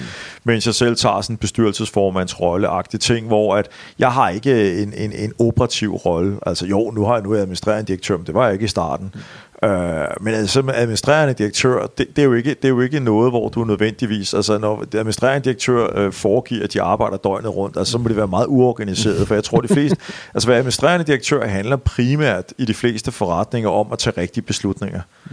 Altså, så det gælder om at få en masse input, det gælder om at være, altså ikke administrere, men, men inspirere sine medarbejdere, have et godt ledelsesteam, man inspirerer til at føre de værdier, man øh, har besluttet sig for, at virksomheden skal have, ned til alle medarbejdere, men det kan altså ofte gøres på en, en, en meget overskuelig tid. Altså jeg vil da sige, at, at, at, at mit job i Dineo, hvis vi ser bort fra alle de timer, jeg bruger på at sidde og spekulere over Dineo, når jeg nu er hjemme og sådan noget lignende, men hvis vi kigger på det antal timer, jeg er, så er jeg måske øh, ikke mere end 25 timer eller sådan noget lignende om ugen i Dineo. Men altså, øh, men så skal jeg da også sige, at, at, at, at, at øh, så kan jeg sagtens sidde om aftenen og forberede en præsentation, eller altså nu på mandag, der skal jeg til Göteborg, ikke, og der skal jeg være med en overnatning, fordi jeg, jeg er kommet i bestyrelsen i på virksomhed i Finland og, og Sverige og sådan noget lignende. Ja. Altså, så, så er der også, altså hvis du lægger det hele sammen, er der nok mere i det, men, men, men stadigvæk, jeg synes, jeg har en utrolig stor frihed til at være, hvor jeg vil. Altså, når vi er færdige med det interview, der er der overvejer at køre hjem og holde weekend, ikke? Mm. Øh, fordi øh, jeg har egentlig ikke mere, jeg skal lave her i dag. Jeg har ikke, jeg har ikke flere møder i kalenderen eller noget, og øh, det kan da godt være, at jeg lige tager frokosten med, ikke? men jeg kan lige så godt tage hjem til, til, til min familie, og så øh, sidde derhjemme, og hvis der dukker noget op, kan jeg lave det derfra. Ikke? Og meget af det arbejde, jeg, jeg, jeg laver, det er jo strategisk tænkning. Det er jo med at positionere os i forhold til markedet, og, og det er jo, ikke, øh, det er jo ofte ikke noget, jeg, jeg, jeg, jeg kan gøre øh, ved at sige, nu skal jeg gøre det, og så skal mm. jeg stå ved mit hæve-sænkebord. Mm. Altså det foregår lige så meget, når jeg går tur med min hund, for eksempel. Ikke? Altså der får jeg meget bedre idéer, end hvis jeg står her. Og i og med, at, at, at mit job meget er at sætte en retning på din EU og tage, at tage strategiske beslutninger. Så er en stor del af min hverdag også at indhente informationer via Twitter for eksempel, ikke? Og, og alle de websites og ting og sager, jeg så besøger der, og så gå lange ture med min hund, mens alle de der informationer siver på plads, der gør, at jeg ser tingene oppefra, uden at der er nogen, der råber og spørger mig om alle mulige ting, for at tage tilbage på arbejde næste dag. Så jeg, kære venner, nu skal I høre, kom lige alle sammen, fordi vi skal en anden vej. Og det er der, jeg giver det meste, men det behøver ikke at tage, altså det behøver ikke at tage 37 timer om ugen. Mm. Det gør det faktisk ikke. Mm. Man kan sige, at en, en stor del af det job, du har nu, og det vil jeg antage, det har været faktisk, også i din iværksætterkarriere, har været lige præcis at træffe de her gode beslutninger. Men man sige, har du en, øh, hvordan gør du det? Altså, jo, men jeg tror, at det er en blanding af mavefornemmelse og data, ikke? Altså, øh, jeg er blevet mere datadreven med tiden. Øh, før i tiden var der meget mavefornemmelse, ikke? Og det kan jeg stadigvæk rigtig godt lide, men jeg kan også godt lide at bakke op af data. Så vi er meget, meget datadrevne, og det betyder, at vi måler næsten alt. Altså alt fra kunden øh, tilfredshed ned øh, på den enkelte supporter, til øh, hver eneste processor og, og, og, og møtrik i, i, i, i, i vores øh, tekniske setup, over i marketingmaskinen fra det øjeblik, at folk de øh, skriver noget øh, på Google til, at, øh, de, øh, at, ja, at vi regner lifetime value ud på dem øh, i, den, i den anden ende og så videre. Ikke? Altså, så, vi, så, så vi har utrolig mange data, og de data, dem kigger jeg på øh, meget ofte. Faktisk hver dag kigger jeg rundt på mange af de her data. Og, og på den måde lever jeg, altså kan du sige, den organisme, som din EU er, min organisation er, så jeg føler virkelig, at øh, jeg, jeg kan mærke den. Samtidig med, at jeg øh, hele tiden orienterer mig ud, hvad sker der i tech-markedet, hvad sker der inden for regnskabsprogrammer, hvad sker der inden for ledelse, psykologi osv. Og alle de der informationer, som kommer ind, jamen det bliver jo til den mavefornemmelse, mm øh, som man træffer beslutningen på bagefter. Så mavefornemmelsen er jo en eller anden form for de samlede øh, antal informationer, man har, øh, crunchet øh, så godt som man kan, øh, øh, kan man sige, i sin hjerne, øh, lagt sammen med de erfaringer, man har. Ikke? Mm. Og så ender man ud med en mavefornemmelse. Ikke? Men den mavefornemmelse bygger jo på en helvedes masse datapunkter og informationer, ikke? Som man løbende øh, ja, øh, bearbejder. Mm. Super spændende, Martin. Tiden flyver simpelthen afsted. Det går, så, det går simpelthen så hurtigt. Sådan er det jo med godt selskab. Hvad hedder det? Jeg har plejer altid at have nogle relativt korte spørgsmål her i slutningen af podcasten. Er du mm. frisk på, at vi tager dem? Ja, ja. Øh, første spørgsmål, Martin. Øh, har du en specifik bog, som du har anbefalet mest til andre, eller som du måske ligefrem ja. har givet gave til andre? Og det må ikke være iværksætter til at dø. nej, nej, nej, nej, jeg prøver med det. uh, marketing Warfare af Jack uh, Trout og Al Rice. Det er en gammel marketingbog, som er... Uh, ja, du kan sige, det er ikke en marketingbog, du læser, og så bagefter går du ud og ved, hvordan du sætter en Google AdWords-kampagne op. Det er en marketingbog, og marketing skal man huske, det er jo positionering, og det vil sige, det er virksomhedsstrategi. Altså det er jo et spørgsmål om, hvordan man ser sin virksomhed. Er man en lille nystartet virksomhed op mod en kæmpe, eller er man en etableret virksomhed, som skal holde de konkurrenterne ude, eller der er mange scenarier. Og den bog, kan du sige, er en bog fra 80'erne, som, ja, ja, som er jo så vel 30-40 år gammel. Mm øh, og læst på en time halvanden. Ikke? Og, og den, øh, den behandler marketing som, øh, som krigsstrategi. Øh, mm. Og den er meget, meget let læst med nogle øh, simple billeder. Øh, og den, den, øh, det er nok en af de bedste bøger, jeg har læst. Og den seneste bog, jeg er rigtig glad for, det er, den er heller ikke specielt ny, men øh, det er en bog, der hedder Drive, af en øh, amerikaner, der hedder Daniel Pink, øh, som skriver om, hvordan man øh, får en øh, god øh, kultur i en altså virksomhed ledelseskultur i, i, i, i vidensvirksomheder, som jo nærmest er alle virksomheder i dag. Ja. Øh, og den har sat en masse ting på plads på mig i forhold til det, hvordan man motiverer folk, og hvordan man øh, ikke motiverer folk. øh, så vil jeg sige, så der er en gammel bog og en relativt ny bog, øh, mm. som ikke har en skid med hinanden at gøre, men som, jeg, som begge har gjort en enorm forskel. Og en tredje bog, jeg lige vil nævne, øh, som gjorde, at jeg blev administrerende direktør efter 20-25 mm. år, øh, uden at gide ville være det. det er, jeg kan faktisk ikke huske, hvad den hedder, øh, men det er en... Øh, Øh, det er en bog øh, fra en af USA's største venturekapitalister. Øh, det er Mark Andresens øh, partner, øh, Mark Horowitz, tror jeg nok, han hedder. Øh, Uh, nej, han hedder ikke Mark, han hedder Ben Horowitz. Ja. Uh, og jeg kan ikke huske, hvad bogen hedder, men det kan være, vi kan finde frem til den, du kan smide ja. et link på. Men ja. det er en bog, der fortæller noget om, hvordan han selv blev iværksætter, og hvordan han reddede nogle virksomheder, han kom ind i som administrerende direktør. Og han, altså, det er ikke en bog, som jeg vil sige er nødvendigvis specielt god, hvis man er lille ny iværksætter. Men jeg tror, hvis man er kommet længere i sit iværksætterprojekt og begynder at få nogle tanker omkring, altså at, at man skal vækste virksomheden, du ved, og, og, og altså begynde at få medarbejdere under sig, og altså en, en, en begynder sådan at, at, at tage rejsen, hvor det bliver til en rigtig virksomhed. Den er, den er meget inspirerende, fordi han, er, han, han, han skåner ikke sig selv med alle de fejl, han har begået, mm. og, og han fortæller noget om de meget hårde beslutninger, han har taget, som også har kostet mange mennesker deres jobs, og, og, og altså, det, det, der er ingen grund til at fortælle så meget mere om den, men det er, det er en lidt langhåret bog, og den er ikke let læst, og den er ikke let forstået, og det er en bog, man kan læse mange gange og stadig finde øh, nuancer i. Så de to andre, jeg nævnte, det er nogle, du kan læse på en time hver, og så forstår ja. du det, og så siger du bare, wow. Ja. Øh, tror jeg. Øh, det gør jeg i hvert fald. med denne her, det er sådan en bog, du kan vende tilbage til. Da jeg læste den på en ferie, Øh, så tog jeg på ferie som, øh, som, som person, der, der ikke ville være administrerende direktør. Jeg tog hjem fra ferie og, og tog fat i David, min mhm. partner, og sagde, jeg ved, du ikke har lyst til at være direktør i Dineo, men det har jeg. Mm. Øh, og det har jeg så været lidt, ja, det er vel tre år siden, ikke? Og, og jeg nyder rollen. Ja. Så det var den bog, der gav mig inspiration og mod til det. Det er noget, jeg skulle klap, når man siger, at en bog kan, kan lykkes med det. ja, men der er, den bliver også meget rosende optalt, øh, vil jeg så sige. Altså, der er rigtig mange mennesker, der har været glade for den. Mm. Så den er bestemt spændende, altså. Øh, det vil jeg sige. Og så, hvis vi skal lave en fjerde, jamen, så er det så er det bogen om Intel. Altså, ja. hvordan, øh, hvordan uh, Intels uh, administrerende direktør lavede uh, Intel om fra at være en virksomhed, der lavede uh, ramklodser, altså hukommelsesklodser, ja. til at gå ind og lave uh, semiconductors, altså uh, hvad det, uh, processorer.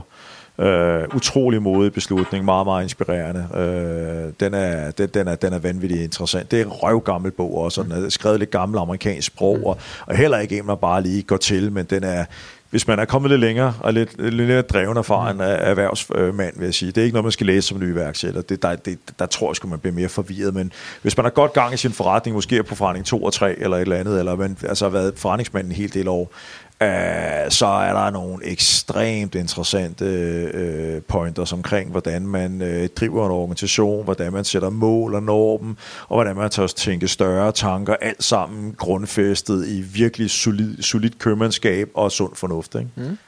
Ja. Det er fire gode anbefalinger, der har ja. givet videre, Martin. Yes. Nu har du været i en varmestol her i The, The Bear Talk Show. Mm. Hvis uh, du skulle pege på en, du synes kunne være fed at få med os, hvem skulle det så være? Øh, ja, men jeg har lige været sammen med Christian Stadil, det synes jeg, der var rigtig spændende. Øh, han, er, han er jo, øh, han er jo øh, den store mand i Hummel, og er jo god for milliarder og millioner og så videre. Altså, han er jo lidt anden type af værksætter, fordi man kan sige, at han er jo ikke startet sådan helt fra bunden af, hvis man skal være ærlig. Han er jo startet ud med, at hans far havde en stor virksomhed, og så han kom ind i den, men det, det, det er jo også meget beundringsværdigt, for ofte går det jo galt, kan man sige. Og den måde, han er kommet ind, og, og altså jeg tror, at så vidt jeg forstår, altså, så kan man vist godt sige, at, at, at han er en af de meget store årsager til, at Hummel har fået en enorm revival. Øh, og han er en øh, utrolig inspirerende, klog, øh, reflekterende person, som, øh, som jeg respekterer meget. Han var faktisk min gamle sergeant i en livgarden.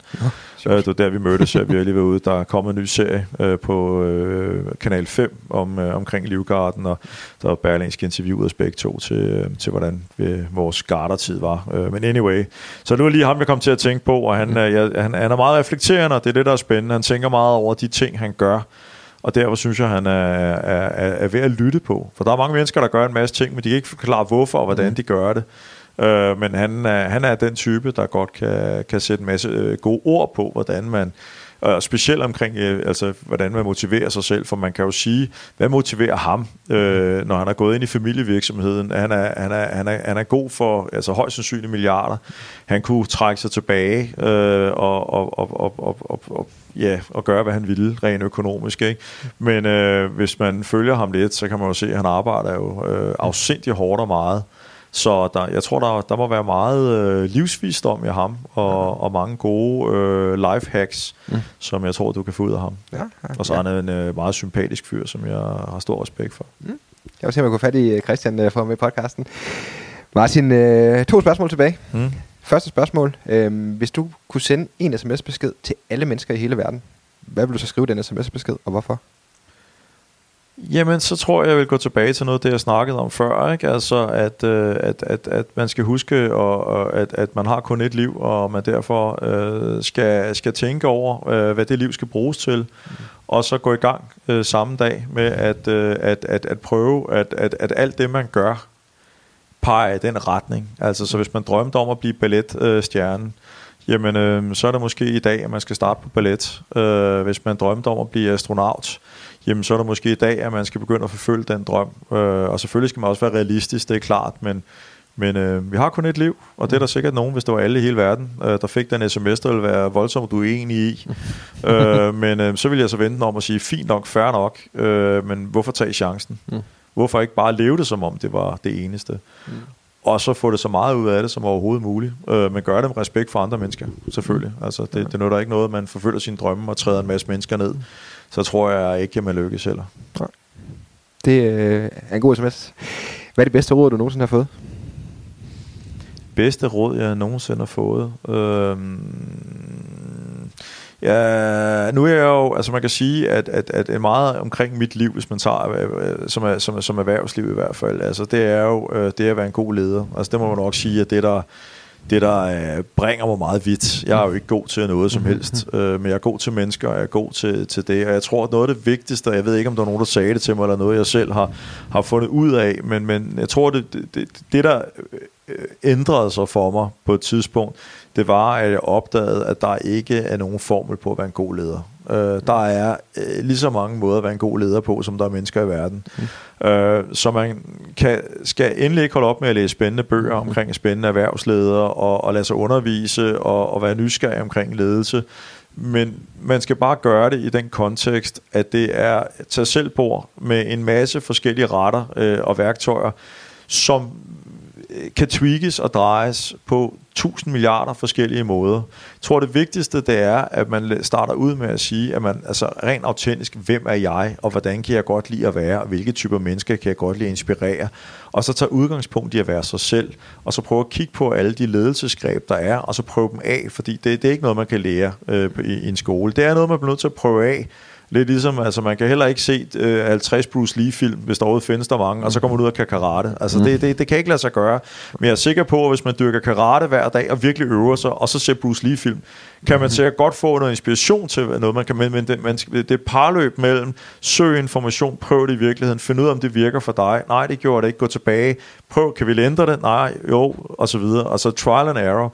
Ja. Så det at, at vide, at, at, at, at god ledelse ikke kan sættes på formel, og, vi, og, og hvil i dig selv og vid, det kommer heller ikke til at blive godt det første stykke tid, men hvis du, hvis du anerkender over for dig selv, at det handler om at, at finde ind til dig selv, øh, og den måde du er på, og så inspirere folk med udgangspunkt i den person du er, så tror jeg, at du meget hurtigt vil begynde at kunne se nogle fremskridt, og dine medarbejdere vil kigge på dig og sige, det kan godt være, at det du står og siger er åndssvagt, men det kommer fandme fra hjertet. Mm.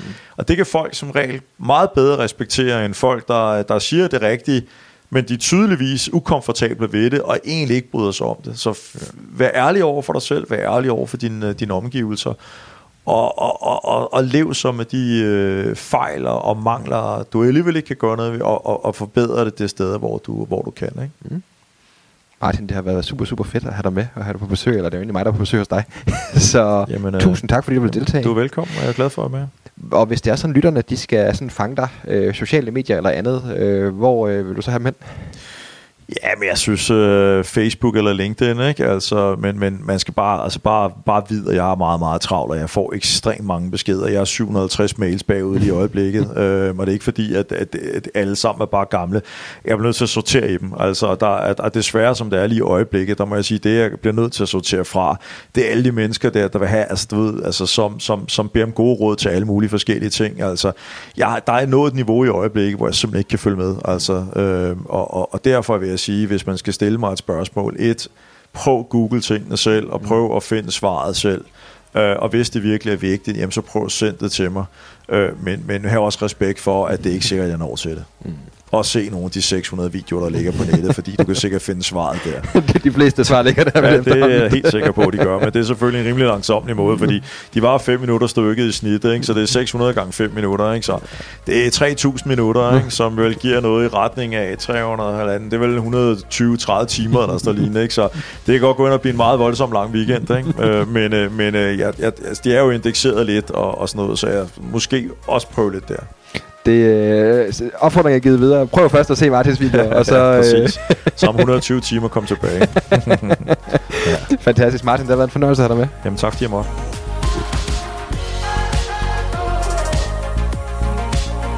Tak for din tid. Tag ud i verden og skab noget